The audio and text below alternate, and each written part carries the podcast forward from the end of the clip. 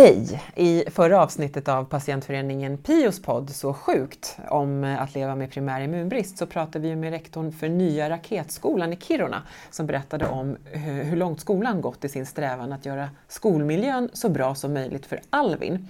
Alvin fick en CVID-diagnos bara ett halvår innan han skulle börja förskoleklass och hans mamma Linda, som också var med i avsnittet, berättade om fantastisk anpassning av hela skolmiljön från egen ingång och toalett till schemaanpassningar och nya hygienrutiner. Idag går Alvin i åttan så det är inte jättemånga år kvar eh, innan han ska kliva in i vuxenlivet och börja jobba. Och det är i arbetslivets eh, möjligheter, rättigheter och skyldigheter som vi ska ta avstamp idag. Varmt välkommen att lyssna. Jag heter Lucette Rådström. Jag och eh, producent Estrid har idag tagit oss till Sundbyberg och eh, organisationen Funktionsrätt Sverige för att träffa dig Mikael Klein. Hej! Hej och Hej. välkomna! Tack! Du är intressepolitisk chef och ansvarig för bevakningsområdet Tryggad försörjning genom arbetet. Det stämmer. Härligt. Och bredvid dig, på coronasäkert avstånd, vill jag tillägga, sitter Johan Bechtel. Hej! hej, hej. Du är personalvetare och arbetsgivare och dessutom så har du faktiskt också variabel eh, immunbrist. Ja, det stämmer. Eh, precis som Alvin. Mm. Mm. Jag kan inte tänka mig en bättre kombination faktiskt. Vi ska prata om arbetsrätt och primär immunbrist. Det är mm. klockrent. Mm. Tusen tack för att vi kan ses, eh, dessutom på riktigt, mm. vilket känns som en lyx i dessa dagar. Verkligen. Mm. Berätta Mikael, hur har pandemin påverkat innehållet i ditt arbete? Coronapandemin har ju påverkat oss, eh, mig och mina kollegor mm, väldigt mycket eftersom många av våra förbunds medlemmar har påverkats. Vi eh, har ju 46 olika förbund som samlar ungefär 400 000 medlemmar och eh, det är ju en väldigt bredd på olika typer av funktionsnedsättningar och kroniska sjukdomar. Och många har ju drabbats på ett eller annat sätt. Vad jobbar du med för frågor konkret? Vårt uppdrag är ju att driva gemensamma frågor som är gemensamma för våra förbund eh, gentemot riksdag och regering framförallt. Och, eh, sen coronan bröt ut i Sverige så har ju väldigt mycket av dialogen med regeringen handlat om coronan. Så är det. Du värnar helt enkelt om alla dessa människors rättigheter kan man säga. Absolut, precis. Eh, Johan, ditt företag, ni jobbar med vårdbemanning. Ja, precis. Jag gissar att ni har fullt upp? Ja, vi har väl mycket att göra vanligtvis också så, men det har ju varit en utmaning här minst sagt att hantera det läge som dök upp då, under våren framförallt. När ingen visste riktigt vad som skulle hända och hur vårdens uppdrag helt ändrades. Mm. Eh, jag har ju bett er lyssna på förra avsnittet som handlar mm. om, om Alvin. Eh, vad, vad, tycker ni om skolans bemötande gentemot honom? Jag tycker det var väldigt fint bemötande, en väldigt fin historia att lyssna på. Um, det lät verkligen som att de fokuserade på sina möjligheter och det var inga problem egentligen utan det var det här, det här ska vi ordna. Och så gjorde man verkligen sitt yttersta för att anpassa miljön så bra för, för Alvin som möjligt. Då. Det låter verkligen som en solskenshistoria där många människor säkert har haft ett väldigt stort lösningsfokus. Eh, att få den här situationen att fungera. Och det är ju fantastiskt att höra de exemplen. Samtidigt så tycker jag också att det är lite tragiskt på något sätt att det måste till denna stora, jättestora kraftansträngning för att lösa situationen. Vi skulle ju hellre se att skolan, precis som arbetslivet som vi ska prata mer om, eh, mer går mot universell utformning, det vill säga att man utformar och planerar efter alla människors olikheter. I Den fysiska miljön, den pedagogiska miljön för att bättre funka för många. Eh, när det gäller skolan så finns det väldigt tydlig, tydliga lagar kring rättigheter för just elever med särskilda behov. Men hur ser det ut när det gäller arbetslivslagstiftningen? Ni har ju liksom lite olika ingångar på det här så jag börjar med dig Johan som är både personalvetare och har HR-bakgrund. Ja, men det är ett stort ansvar. Man, man har ju en skyldighet att, att anpassa även i arbetslivet då. Eh, och att det ska vara tillgängligt för, för alla. Sen kan man väl säga att det, det är väl lite som Mikael är inne på även som med skolan, att man kanske tar tag i saker när det dyker upp. En utmaning så tar man det då snarare än att vara förberedd på allt från början. För någonstans så, så blir det att fokuset hamnar på, på att driva ett företag kanske och man glömmer kanske lite bort längs vägen att anpassa först när utmaningen dyker upp. Då. Rent generellt utifrån den erfarenheten jag har. Då. Eh, vad är det för typ av anpassning man kan prata om i arbetslivet?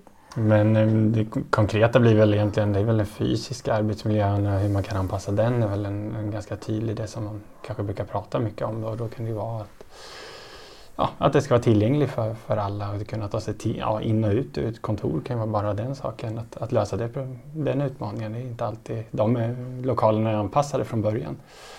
Eh, men sen handlar det också om hur kontoret är utformat och hur man, hur man rör sig på kontoret kanske och hur, hur arbetsplatsen är utformade. Jag tänker utifrån ljud och störningsmoment. Och även de aspekterna är viktiga. Eh, men sen kan det också, som det var, det psykosociala, lite hur man, hur man planerar arbetet och hur, hur den miljön är utformad. Då. Jag tänker utifrån möten och hur man ska ha dem och kommunikation generellt. Då.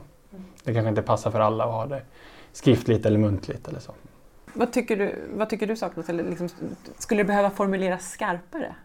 Eh, ja, jag tycker att det skulle behöva formuleras skarpare. Eh, det skulle finnas skarpare krav.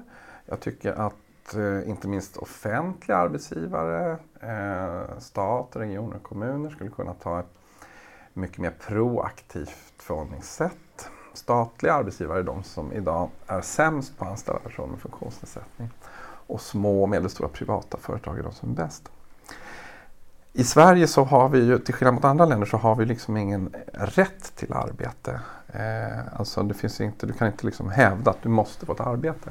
I många andra länder så har man ju antingen kvoteringssystem, alltså att eh, har man ett företag eller en arbetsplats med ett visst antal anställda så måste man ha ett antal personer med funktionsnedsättning anställda. Så är det i stora delar av Europa. Andra delar av världen har man väldigt skarpa antidiskrimineringslagar och det är framförallt den anglosaxiska världen, USA och England och stora delar. Där eh, arbetsgivare måste ta väldigt långtgående initiativ för att kunna ta emot alla. Och den typen av skarpa lagstiftning har vi inte i Sverige, varken kring antidiskriminering och vi har ingen kvotering, tack och lov tycker vi. Eh, utan i Sverige har vi en arbetslag som, som, som i princip innebär att en arbetsgivare anställer vem man vill. Och eh, då har vi också utvecklat olika stödsystem för att underlätta det här. Finns, vi satsar i statsbudgeten rätt mycket pengar på arbetsmarknadspolitiska åtgärder, till exempel lönebidrag och arbetshjälpmedel. Men vi tycker från vår sida att utfallet av de här är för dåligt. Det är för få som får tillgång till de här stöden eh, och eh, det finns en inlåsning i många av de här systemen. Har man en gång fått ett lönebidrag blir man kvar i det och har ingen löneutveckling. Vad, vad är det som tar emot tror du? Alltså, vad, är det, vad brister det någonstans? Jag tror det, det handlar om olika saker. Det ena handlar om, om jag tror allas vår, alltså en värdegrund attityder. Alltså vi, eh, så här, vi, vi tänker inte på personer med funktionsnedsättning eller kroniska sjukdomar som en resurs på arbetsmarknaden. En, en, en, en naturlig resurs. De här vill vi ha, de här ska in och jobba. Utan vi tänker mer eh, på att eh, det är personer som har stora svårigheter, som inte är produktiva, som vi måste sätta i sysselsättning på något sätt. Så det tror jag är liksom en historisk bild vi bär med oss. Mm. Och den är rätt stark förankrad faktiskt i Sverige på ett sätt som det inte är i andra länder. Och det kan man ju kanske inte tro för vi är ju ofta så himla bra på allting här i Sverige. Men vi är ett av få länder som, har, länder som fortfarande har kvar begreppet nedsatt arbetsförmåga. Så det finns ju mycket att göra eh, och jag tror det är väldigt många som har den erfarenheten av att när man har kommit till Arbetsförmedlingen första gången och skriver in sig och berättar att man har en funktionsnedsättning, en kronisk sjukdom, så är det en fråga man får direkt. Jaha, vad kan du inte göra? Och i, ett arbets, i en arbetssituation så ska det ju naturligtvis vara den andra utgångspunkten. Vad har du för resurser, och tillgång och talanger? För det är ju det som leder fram till ett arbete. Det låter som att det ska till en ganska rejäl attitydsförändring och att någon måste driva den och leda den. Absolut, eh, en attitydsförändring och det finns väldigt många goda exempel, många företag och många myndigheter och andra som är i framkant och liksom verkligen aktivt jobbar proaktivt. Eh, allt fler eh, arbetsgivare ser ju också utmaningarna med att vara en attraktiv arbetsgivare så måste man också kunna attrahera en mångfald och då pratar vi inte bara funktionsnedsättning utan de varumärken som är mest populära bland ungdomar är ju regel, är det genomgående sådana företag som jobbar väldigt mycket med mångfaldsbranding. Alltså att man, man har ett aktivt arbete för att rekrytera eh, en bredd. Eh, och där ligger framtiden tror jag. Eh, så. Men, men sen, handlar det om, sen handlar det om också det vi jobbar med, nämligen förändrad lagstiftning vi måste i svensk lagstiftning ta bort begreppet nedsatt arbetsförmåga. Vi måste göra om lönebidragssystemet och stödet till Samhall och andra sådana saker som är inlåsande åtgärder. Och det handlar om politiskt hantverk. Mm. Johan, vad, vad, tänker du? Det är ju en utmaning då, som Mikael är inne på att, att det ska handla om människors lika värde fast på riktigt att ta, ta till sig det. Vi pratar mycket mångfald, det är jättetrendigt måste jag säga så i HR och många företag pratar om mångfald och hur viktigt det är för att sticka ut i framtiden. Att verkligen visa på att vi, vi är en öppen arbetsgivare eller vårt varumärke är kopplat till mångfald. Att vi inkluderar hela samhället ska inkluderas i, i det vi gör. Eh, men att det också får vara på riktigt och inte bara något man pratar om. För det är väl det som är risken lite, att det fastnar i, i prat och någon fin text och sen när det väl kommer till kritan så är processerna de samma. Och, att det är tomt, äh, att det är ja, tomt under orden på något vis. Och, och, det är väl, ja, som vi vinner mycket på att det, det, är politik bakom också såklart, men framförallt stöd och kunskap som, som behöver komma ut. Eh, kan utifrån min erfarenhet. Jag, jag har en HR-bakgrund och min utbildning där vi, vi hade en hel del om just eh, arbetslivet och hälsa och de frågetecknen. Men jag skulle säga att just funktionsnedsättningar och, och den biten, hur det är kopplat till arbetslivet var en stor lucka. Eh, det var väldigt lite vi pratade. Vi pratade om mångfald men då pratade man framförallt om ålder och kön, kanske et etnicitet. Och sen det var där diskussionen hamnade. Mm. Nu har jag kollat lite och det har blivit bättre. Det har kommit in mer i utbildningen på, på senare år. Då. Um, och jag hoppas att det, det, är också ett steg i rätt riktning. För att, eh, och sen handlar det också mycket om att prata om vad kan man göra? Inte vad, vad kan man inte göra? För de flesta kan nog göra ett gott arbete så som som samhället ser ut med, med mycket tjänstesektor vi har idag. Mycket som faktiskt är drivet på, sitter och utgår från kontor runt om i landet. Det finns enorma möjligheter för, för väldigt många fler att, att göra ett bra arbete där. Om man slutar kolla på vilka hinder som finns och ser bara att man ska lösa de hindren. Eh, ja, vad ska jag får haka på det, för du har mm. helt rätt i det och det finns belägg för det, det sista du säger. Mm. För att man hämtar in viss statistik sådär, och var, varje år så görs en, en, en fördjupad arbetskraftsundersökning, de här stora mm, undersökningarna som SCB gör om hur folk jobbar och så. Eh, och varje år så har man ett fokus just på funktionsnedsättning. Och eh, först och främst är det väldigt många, alltså fler än man tror, som när man liksom går ut till en bred befolkning säger att man har en funktionsnedsättning som påverkar möjligheten att arbeta vi tror, när vi sitter så här till man så tror man, jag tror att vi ser en liten grupp framför oss. Men, men det är en rätt stadig siffra över två decennier som pekar på att ungefär en tiondel eh, av den arbetsföra befolkningen menar själv att man har en funktionsnedsättning som påverkar möjligheten att jobba. Alltså det handlar om 600 700 000 personer. Och problemet är ju att eh, sysselsättningsgraden, alltså andelen som har jobb bland dem, är ju mycket, mycket lägre än för befolkningen i stort. Det är ungefär 55-60 procent som har jobb. Men de som inte har jobb, de får ju också frågan, skulle du kunna ta ett jobb om förutsättningarna var de riktiga? Och då är svarar nästan alla ja på det. Alltså de flesta tror att de skulle kunna jobba om de hade rätt förutsättningar. Det är 90 procent någonting. Eh, och så får de också följdfrågan, vilken typ av anpassning behöver du ha? Och då, svar, då stämmer siffrorna precis utifrån det du säger. Att de flesta efterfrågar organisatorisk anpassning, alltså anpassad arbetstid, anpassade mm. arbetsuppgifter, anpassad arbetstempo. Och färre efterfrågar hjälpmedel, arbetsplatsanpassning eller biträden mm. och sådär. Mm. Så, att, så att eh, det du just sa har ett stöd i statistiken. Det är väldigt intressant. Mm. Men att, det inte, att det inte är så komplicerat som alla tror, att men det är stor, då måste vi göra stora investeringar. Mm. Men det är kanske inte är det det handlar om utan det är mer, återigen, vi är inne på attitydsförändringar, att man mm. tänker lite utanför boxen. Mm. Liksom. Eh, Individen har ju eh, eget ansvar också. Det finns, finns, eh, förstås yrken som är mindre lämpliga. Jag tänker just nu då på eh, ur immunbristsynpunkt. Eller är det för hårt att säga så, tycker ni?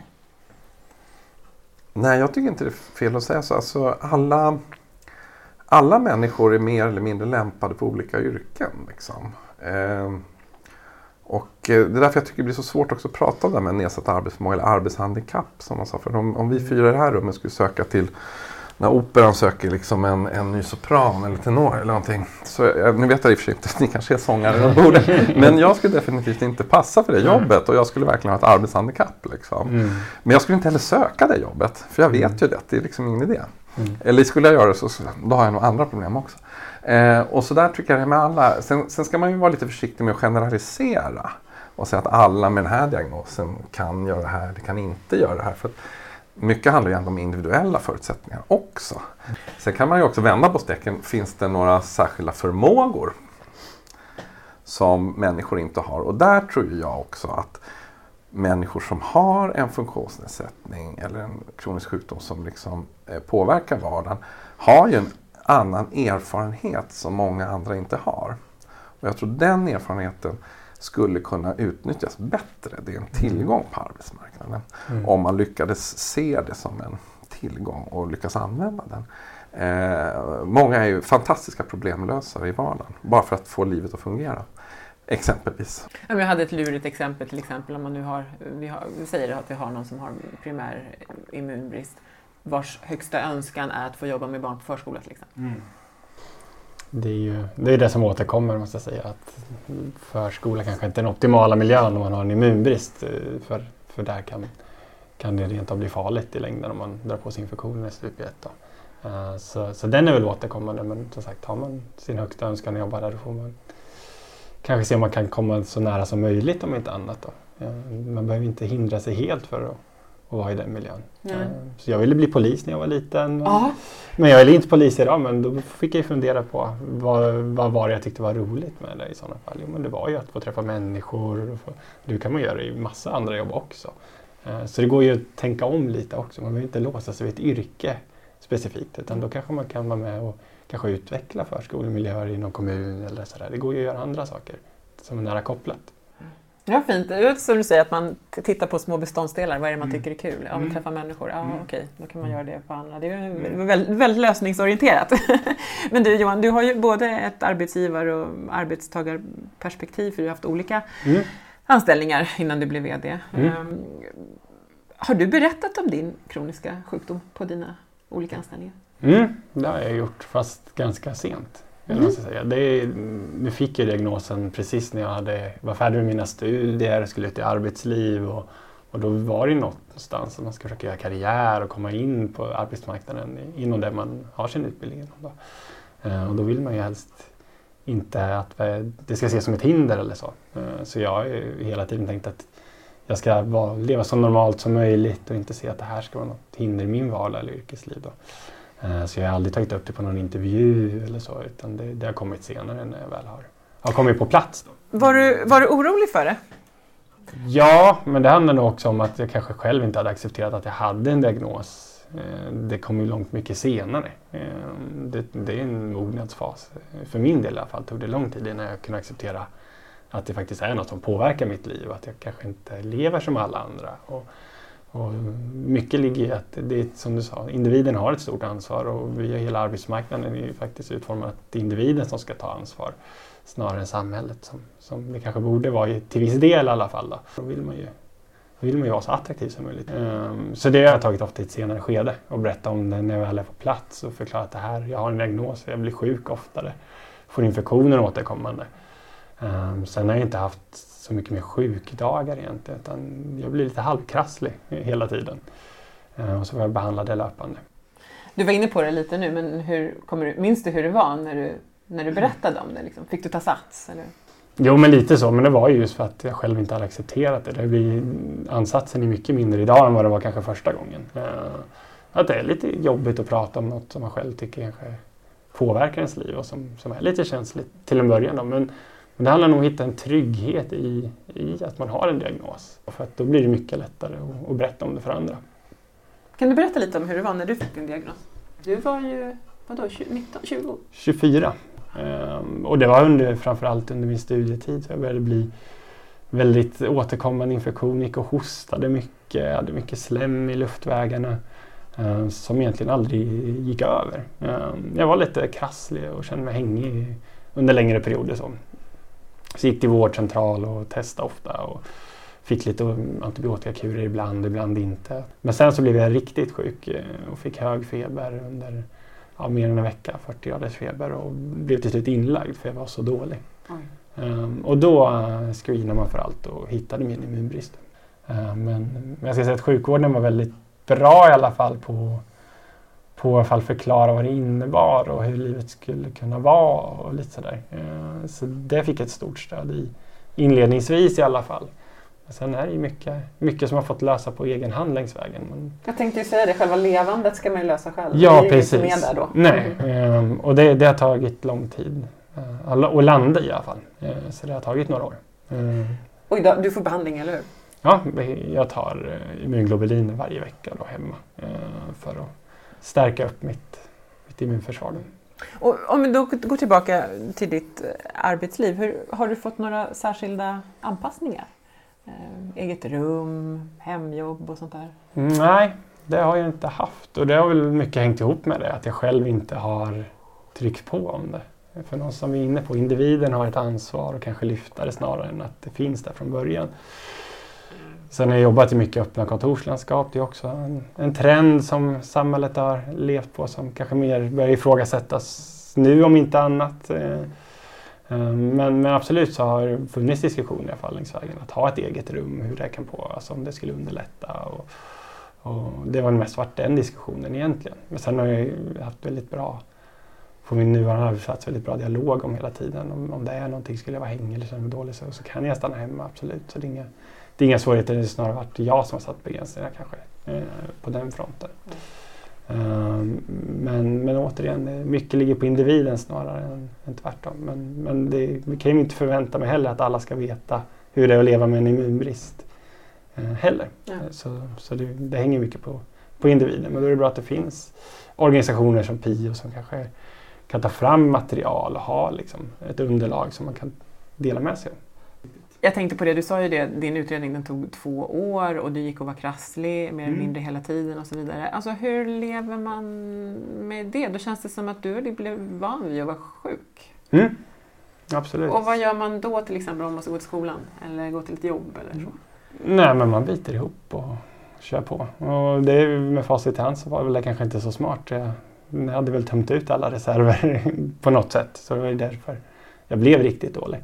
Uh, men så det, det blir det här med att också lite i arbetslivet har utformats med att vi går till jobbet när vi är lite småkrassliga. Att det, det är inte så farligt. Eh, Du kan bita ihop. Ja, men sjuknärvaro är nog en jättestor eh, farlig sak som, som vi någonstans har pressat fram i, i samhället. Att alla ska kunna jobba, lite som vi är inne på. Att arbetsförmågan, du kan ju, kan ju arbeta men det kanske inte är så bra att det går till jobbet för mina kollegors skull.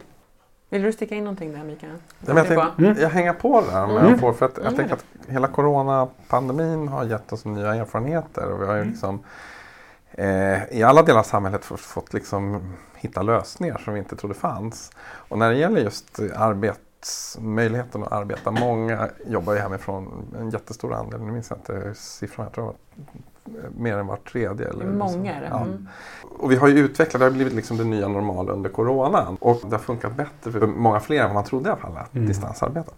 Jag hoppas ju att, att en post-corona-effekt, alltså en erfarenhet av coronan, är detta att vi kan liksom inte ha en lösning för alla. Utan vi måste kunna liksom anpassa skola, vi måste anpassa arbete och annat eh, utifrån olikheter och ha, erbjuda olika lösningar helt enkelt. En del behöver vara på en arbetsplats för de mår bäst av det och så eh, kan ju ha med arbetsuppgifterna att göra såklart. Men, men, men andra kan jobba hemifrån och sådär. Att ha den här mångfalden av alternativ, det vi då kallar för universell utformning. Då. Just det, det är det ni kallar för. Vad, vad, U- vad heter det? UDL? Ja, ja alltså UDL det är ju eh, Universal Design for Learning Just och det, det, är ju liksom en, en utveckling inom eh, skolvärlden och pedagogiken. Men begreppet universell utformning det kommer egentligen från design eh, produkt och tjänstedesign som handlar om att man tar höjd för de som har svårt att använda och så löser man det för dem så löser man det bra för alla. Så är ursprungliga tanken. Men det begreppet finns också med i FNs konvention om rättigheter för personer med funktionsnedsättning som ju kom 2009. Och där skrivs, eh, är universell utformning inskriven som en, en rekommendation för hur samhällsplaneringen ska gå till. Alltså när vi planerar nytt i vårt samhälle, nya bostäder, nya, ny kollektivtrafik, ny infrastruktur med nya system och tjänster så ska vi ta höjd för den mänskliga mångfalden. Vi ska försöka utforma den så att så många som möjligt kan använda den från början utan onödiga anpassningar efteråt.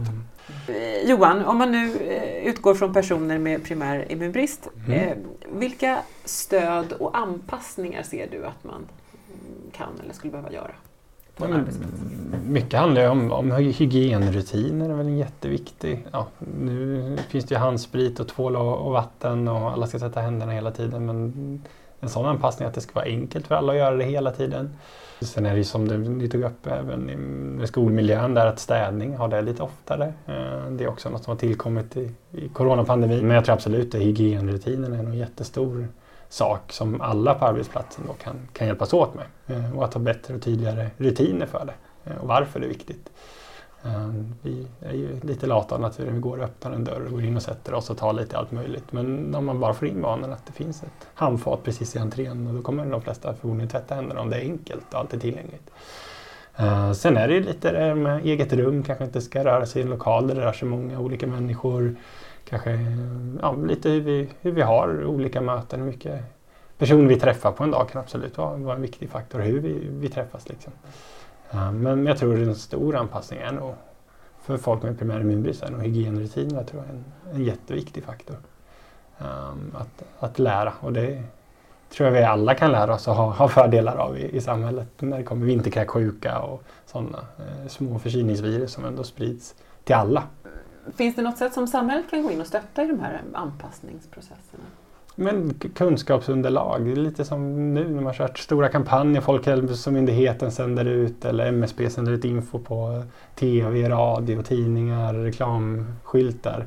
Sprida information och göra det brett och på så många språk som möjligt. Det är nog där samhället kan göra som mest nytta. Ja, vill du säga Ja, nej, men jag tycker att vi, vi skulle behöva utveckla just de mm. arbetsmarknadspolitiska stöden som mm. finns. Vi satsar som sagt mycket pengar på det men väldigt få av stöden är riktade till arbetsgivare och arbetsplatsen. Mm. De flesta stöden vi har i Sverige de är riktade till den som är arbetssökande. Men om inte liksom arbetsplatsen där en person får jobb eller ska jobba får något stöd, mm. då liksom blir det ingen hållbar lösning. Och i andra länder har man ju mera utvecklade liksom coacher på Arbetsförmedlingen. En arbetsgivare kan ringa, nu har jag problem med det här. Mm. För ingen enskild arbetsgivare kan ha koll på allt heller. Alla olika typer av sjukdomar och funktionsnedsättningar. Och ännu mindre hur ser lösningarna ut. Liksom. Mm. Även med den bästa välviljan så går det inte. Då, då måste det finnas eh, konsultativt stöd. Att Arbetsförmedlingen anställer liksom coacher, stödpersoner till arbetsgivare. Det skulle sätta så många, många fler mm. jobb. Och jag tror det är viktigt att nå ut till små och medelstora företag som man tjatar politiskt om att det är där mm. jobben skapas. Vi ska inte gå ut till de stora tunga industrierna för där har man oftast kunskapen. Där har man oftast strukturer och system för och så. Men kan man hjälpa de här små som kanske inte har kunskapen på plats som måste få konsultativt stöd vid behov. Där tror jag vi har mycket att vinna. Uh, jag tror viljan finns. Uh, men jag tror det är jätteviktigt att det ska nå ut dit. Att det ska finnas enkla kanaler. Man ska inte, Det ska inte vara krångligt att söka fram hjälp och stöd. Alltså de, de systemen vi har inom det här området, alltså Samhall, eh, lönebidrag, det är förlegade system. Alltså de är, vi har haft dem i det här landet sedan eh, början på 1980-talet och de har inte förändrats sedan dess. Arbetslivet ser annorlunda ut. Det finns en helt annan förståelse och ett annat fokus idag. Eh, ta lönebidrag som exempel. Det är, alltså, det, det, är alltså en ekonomisk kompensation som ska gå till en arbetsgivare för att kompensera den nedsatta arbetsförmågan hos en person. Och då ska, man, då ska Arbetsförmedling och arbetsgivare komma överens om hur många procent är den här arbetsförmågan nedsatt. Är den 24 eller 37 eller 92 procent? Det är så mm -hmm. På procenten exakt hur stor nedsättning är av arbetsförmågan. Och ingen inblandad har ett incitament över att minska det. Liksom alla är intresserade av att förstora mm. svårigheterna mm. för att det, det, liksom ger bäst utdelning. Men det är ju så föråldrat system. Det luktar ju 30-tal liksom, långa vägar. Och bara det här, vad är 100 procent? Vem är 100 procent? Mm. Eh, hela dagarna, hela veckan, eller hela året eller hela livet. Liksom, vi har alla en varierad arbetsförmåga och prestationsförmåga. Men, men, vilka instanser finns det då som man kan vända sig till som arbetsgivare? Eller? Det är ju Arbetsförmedlingen i först, mm. som ska tillhandahålla liksom det arbetsmarknadspolitiska stödet. Men, men det funkar sådär och många arbetsgivare är väldigt missnöjda också med det stödet.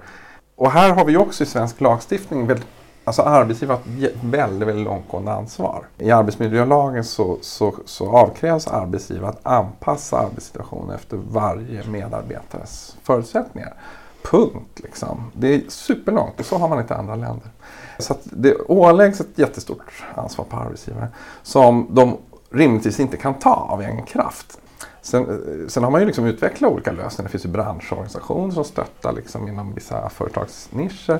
Vi har företagshälsovården som kan stötta liksom i arbetsmiljöfrågor och annat. Så det finns ju andra aktörer. Men jag tror att det du var inne på, alltså just med mm. små och medelstora företag, har en liten en liten verksamhet, vad som helst. Mm. Då har du ju liksom inte det utrymme. Du kan ju inte liksom lämna jobb för att börja ringa runt. Liksom, uh, var får jag hjälp någonstans? Liksom. Mm. Så att eh, åtminstone stödet från Arbetsförmedlingen skulle kunna vara betydligt mer fokuserat på stöd och rådgivning. Mm. Och tyvärr är det ju så när, när stödet uteblir så är, blir ju också många arbetsgivare tveksamma till att mm. anställa.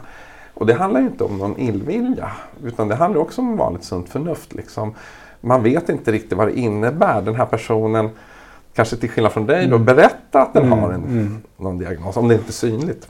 Eh, då, då, då, ja, då växer en osäkerhet mm. och, och de flesta av oss vi väljer det säkra för osäkra. Och så, så Man tänker liksom, problem, problem ja, är jobbigt. Så det blir liksom en, en, lika bra att jag struntar i ja, en, en, en utsortering. Då, då, då trycks ju självkänslan ner också. Mm. Även för individen i det här fallet då kanske ha ett bra stöd att veta men vilka anpassningar skulle funka. Man kanske inte själv vet vilka anpassningar som skulle behövas och hur, hur stora de är eller hur små de faktiskt är. Hur viktigt det kan vara att få hjälp på traven då så att man kanske i en intervjusituation, ja men jag har det här men det här är vad som behöver i så fall göras.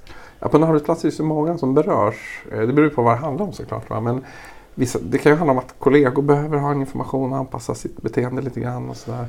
Eh, så det är ju många på en arbetsplats som kan beröras. Hur arbetar ni inom Funktionsrätt Sverige för att bedriva opinion? Eh, vårt uppdrag är ju att, att eh, påverka framförallt riksdag och regering utifrån de gemensamma frågor som våra medlemsförbund har. Och, och, som sagt, det är väldigt breda frågor så det handlar ju väldigt mycket på systemnivå. Och så Men vi har ju ett, vi har ju ett väldigt stöd också i funktionsrättskonventionen, alltså FNs konvention om rättigheter för personer med funktionsnedsättning. Eh, för att där har ju Sverige, som liksom många andra eh, länder, skrivit på och, och det innebär ju liksom ett folkrättsligt åtagande. Sverige och ytterst den svenska regeringen har ett ansvar för att säkerställa att eh, de här rättigheterna tillgodoses. Rätt till arbete, rätt till utbildning till exempel som jag pratar om här idag. Också för personer med funktionsnedsättning och kroniska sjukdomar.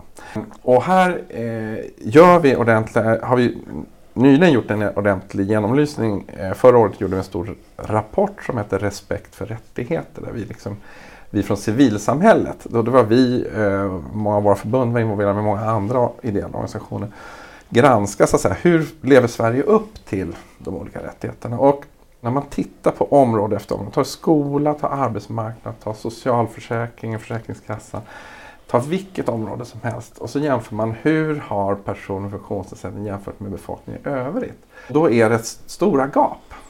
Och vi har en självbild i Sverige av att vi har så mycket välfungerande. Vi har en stark välfärdstradition. Men eh, vi ser ju på område efter område att det finns jättestora brister. Ni har en stor utmaning, tänker jag, eftersom det finns många människor, det finns många olika funktionsvariationer och många sjukdomar. Ja, alltså jag tror vi har en utmaning. Ah, vi alla har en utmaning. Jag tror att, eh, och utmaningar det är inget vi backar för. Det som är eh, det blir ju rätt också så här, när vi sitter och pratar så här så pratar vi om alla problem och utmaningar. Så det är klart, det ska vi göra. Vi måste ju se vad finns det hinder och så där. Men vi får ju inte liksom glömma bort att prata om vinsterna med att faktiskt nå framgång. Eh, skulle vi kunna öka mångfalden i vårt arbetsliv? Liksom, skulle fler kunna få plats? Jag tror att det skulle gagna inte bara den enskilde som inte kommer in idag, det skulle gagna arbetsplatsen och verksamheten. Men det skulle också gagna samhället i stort. Alltså vi får ett hållbart arbetsliv och vi får en hållbar samhällsutveckling där folk är inkluderade. Och det är, en, en, eh, det är något som alla kommer ha nytta av. Det är inte bara de som står utanför idag utan det är något som kommer gagna alla andra också. Mm. Eh, avslutningsvis, eh, var ska människor med primär immunbrist vända sig för att få reda på mer om sina rättigheter i arbetslivet? Har du något? Ja, men man får väl ta liksom stöd. Jag tror Arbetsförmedlingen varit inne på det. Det är en stor apparat men det är framförallt dit så jag tror många vänder sig eh, och ska vända sig och den ska ju helst fungera så bra som möjligt då. Eh, men sen, sen kanske den inte alltid gör det och det är väl därför man förändrar den så mycket som man gör nu också. Men det är väl, jag skulle säga att det är nog den första instansen man ska vända sig till i alla fall. Och funkar inte den så får man väl kolla med sin branschorganisation kanske. Det kan också vara en viktig väg för då kan man få lite mer tyngd och kanske eh, fler som kan driva på samma fråga i alla fall. Eh, det, det, den rollen har de i samhället. Det är en jätteviktig roll. Men Arbetsförmedlingen är ju någonstans dit vi alla ska vända oss för att få stöd och hjälp eh, generellt. Då. Johan, mm. Mikael, stort tack. Det har varit väldigt informativt och väldigt inspirerande. Tack så hemskt mycket. Tack själv. Och nu så blir det förstås som vanligt eh, en eh, lyssnarfråga från Så Sjukts egen husdoktor Anders Fast. Anders svarar och förklarar. Jag har en fråga till Anders. Vår katt kom in med åtta möss eller sorkar och två fåglar på tre dagar. Hon hade gömt fem möss, sorkar, under soffan som jag hittade igår kväll. Döda såklart, fyra färska, men en hade börjat förmultna. Ena fågeln levde och började flyga runt i huset. Min fråga är, kan det få allvarliga konsekvenser för oss med primär immunbrist om vi skulle bli smittade av sorgfeber eller harpest eller något annat när katten kommer in med sin fångst? Kan eller ska vi vidta några åtgärder vid misstanke om vi kan ha smittats eller för att skydda oss? Det var en eh, mycket speciell fråga skulle jag säga. Nu är det ju så att du som frågar talar dels om sorgfeber och dels om harpest. Och sorgfeber är då en virusinfektion och en sån här virusinfektion som kan överföras från djur till människa men inte från människa till människa. Och eh, kan spridas med damm men här där jag tänker att du har fått det via nyss döda djur som har kommit in så är det mer att man skulle bli smittad om eh, du direkt tar i dem och inte tänker på hygienen. Så oavsett om man har en immunbrist eller inte så skulle jag säga att det kanske vore bra att ha handskar på när man tar hand om de här döda djuren. Plus, vilket jag inte vet, när det gäller sorkfeber så handlar det nästan bara att man ska bo norr om Dalälven. Sen har vi den andra som du frågar, harpest. Det är alltså gnagare som kan sprida den och gnagare inklusive hare men även då möss och sorkar skulle kunna sprida den. Där är det en bakterie och det är lite grann samma sak. Inte smitta mellan människa och människa men däremot kan vi få i oss bakterierna från de döda djuren eller eventuellt damm då. Och också här gäller det mest Norrland, men man kan få det annars. Sorkfebern kan vi inte göra så mycket åt. Det är en virusinfektion. Den får alltså bara gå över och den kan vara rätt svår. Eh, det är svårt att säga om den skulle bli allvarligare för någon med immunbrist. Man får väl tänka sig att om du har en brist på de celler som vi kallar för T-celler, alltså en allvarligare immunbrist, då skulle den säkert kunna bli en allvarlig infektion för dig. Om man sen tar bakterieinfektionen, har pest, då finns det ju antibiotika. Och eh, jag tror inte att riskerna att bli smittad är större för dig om du har en immunbrist. Och då skulle jag säga att det handlar om en immunbrist. Till exempel att du har brist på immunglobulin, en hypogammaglobulinemi eller om du nu är vuxen, en vanlig variabel immunbrist.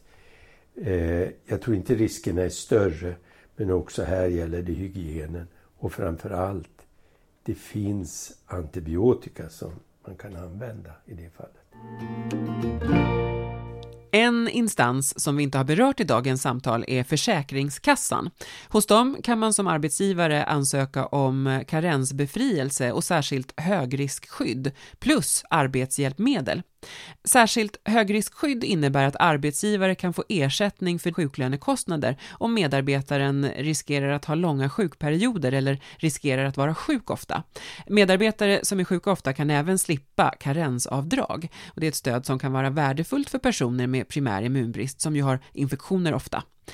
Försäkringskassan erbjuder också arbetsgivare möjlighet att få bidrag för att anlita expertstöd för att utreda, planera, initiera, genomföra och följa upp åtgärder som kan förebygga sjukfall eller underlätta för en medarbetare att vara kvar i eller komma tillbaka till arbetet. Läs mer om rättigheter och hur ansökan går till på Försäkringskassans hemsida. Du kan också läsa om primär immunbrist och arbetsliv på PIO, www.pio.nu. Mer information hittar du också på Arbetsförmedlingens hemsida. Och med det så har det blivit dags för mig och producent Estrid Holm att tacka för oss. Tack för att du lyssnat och tack CSL Bering för att ni gör den här podden möjlig. Hej då!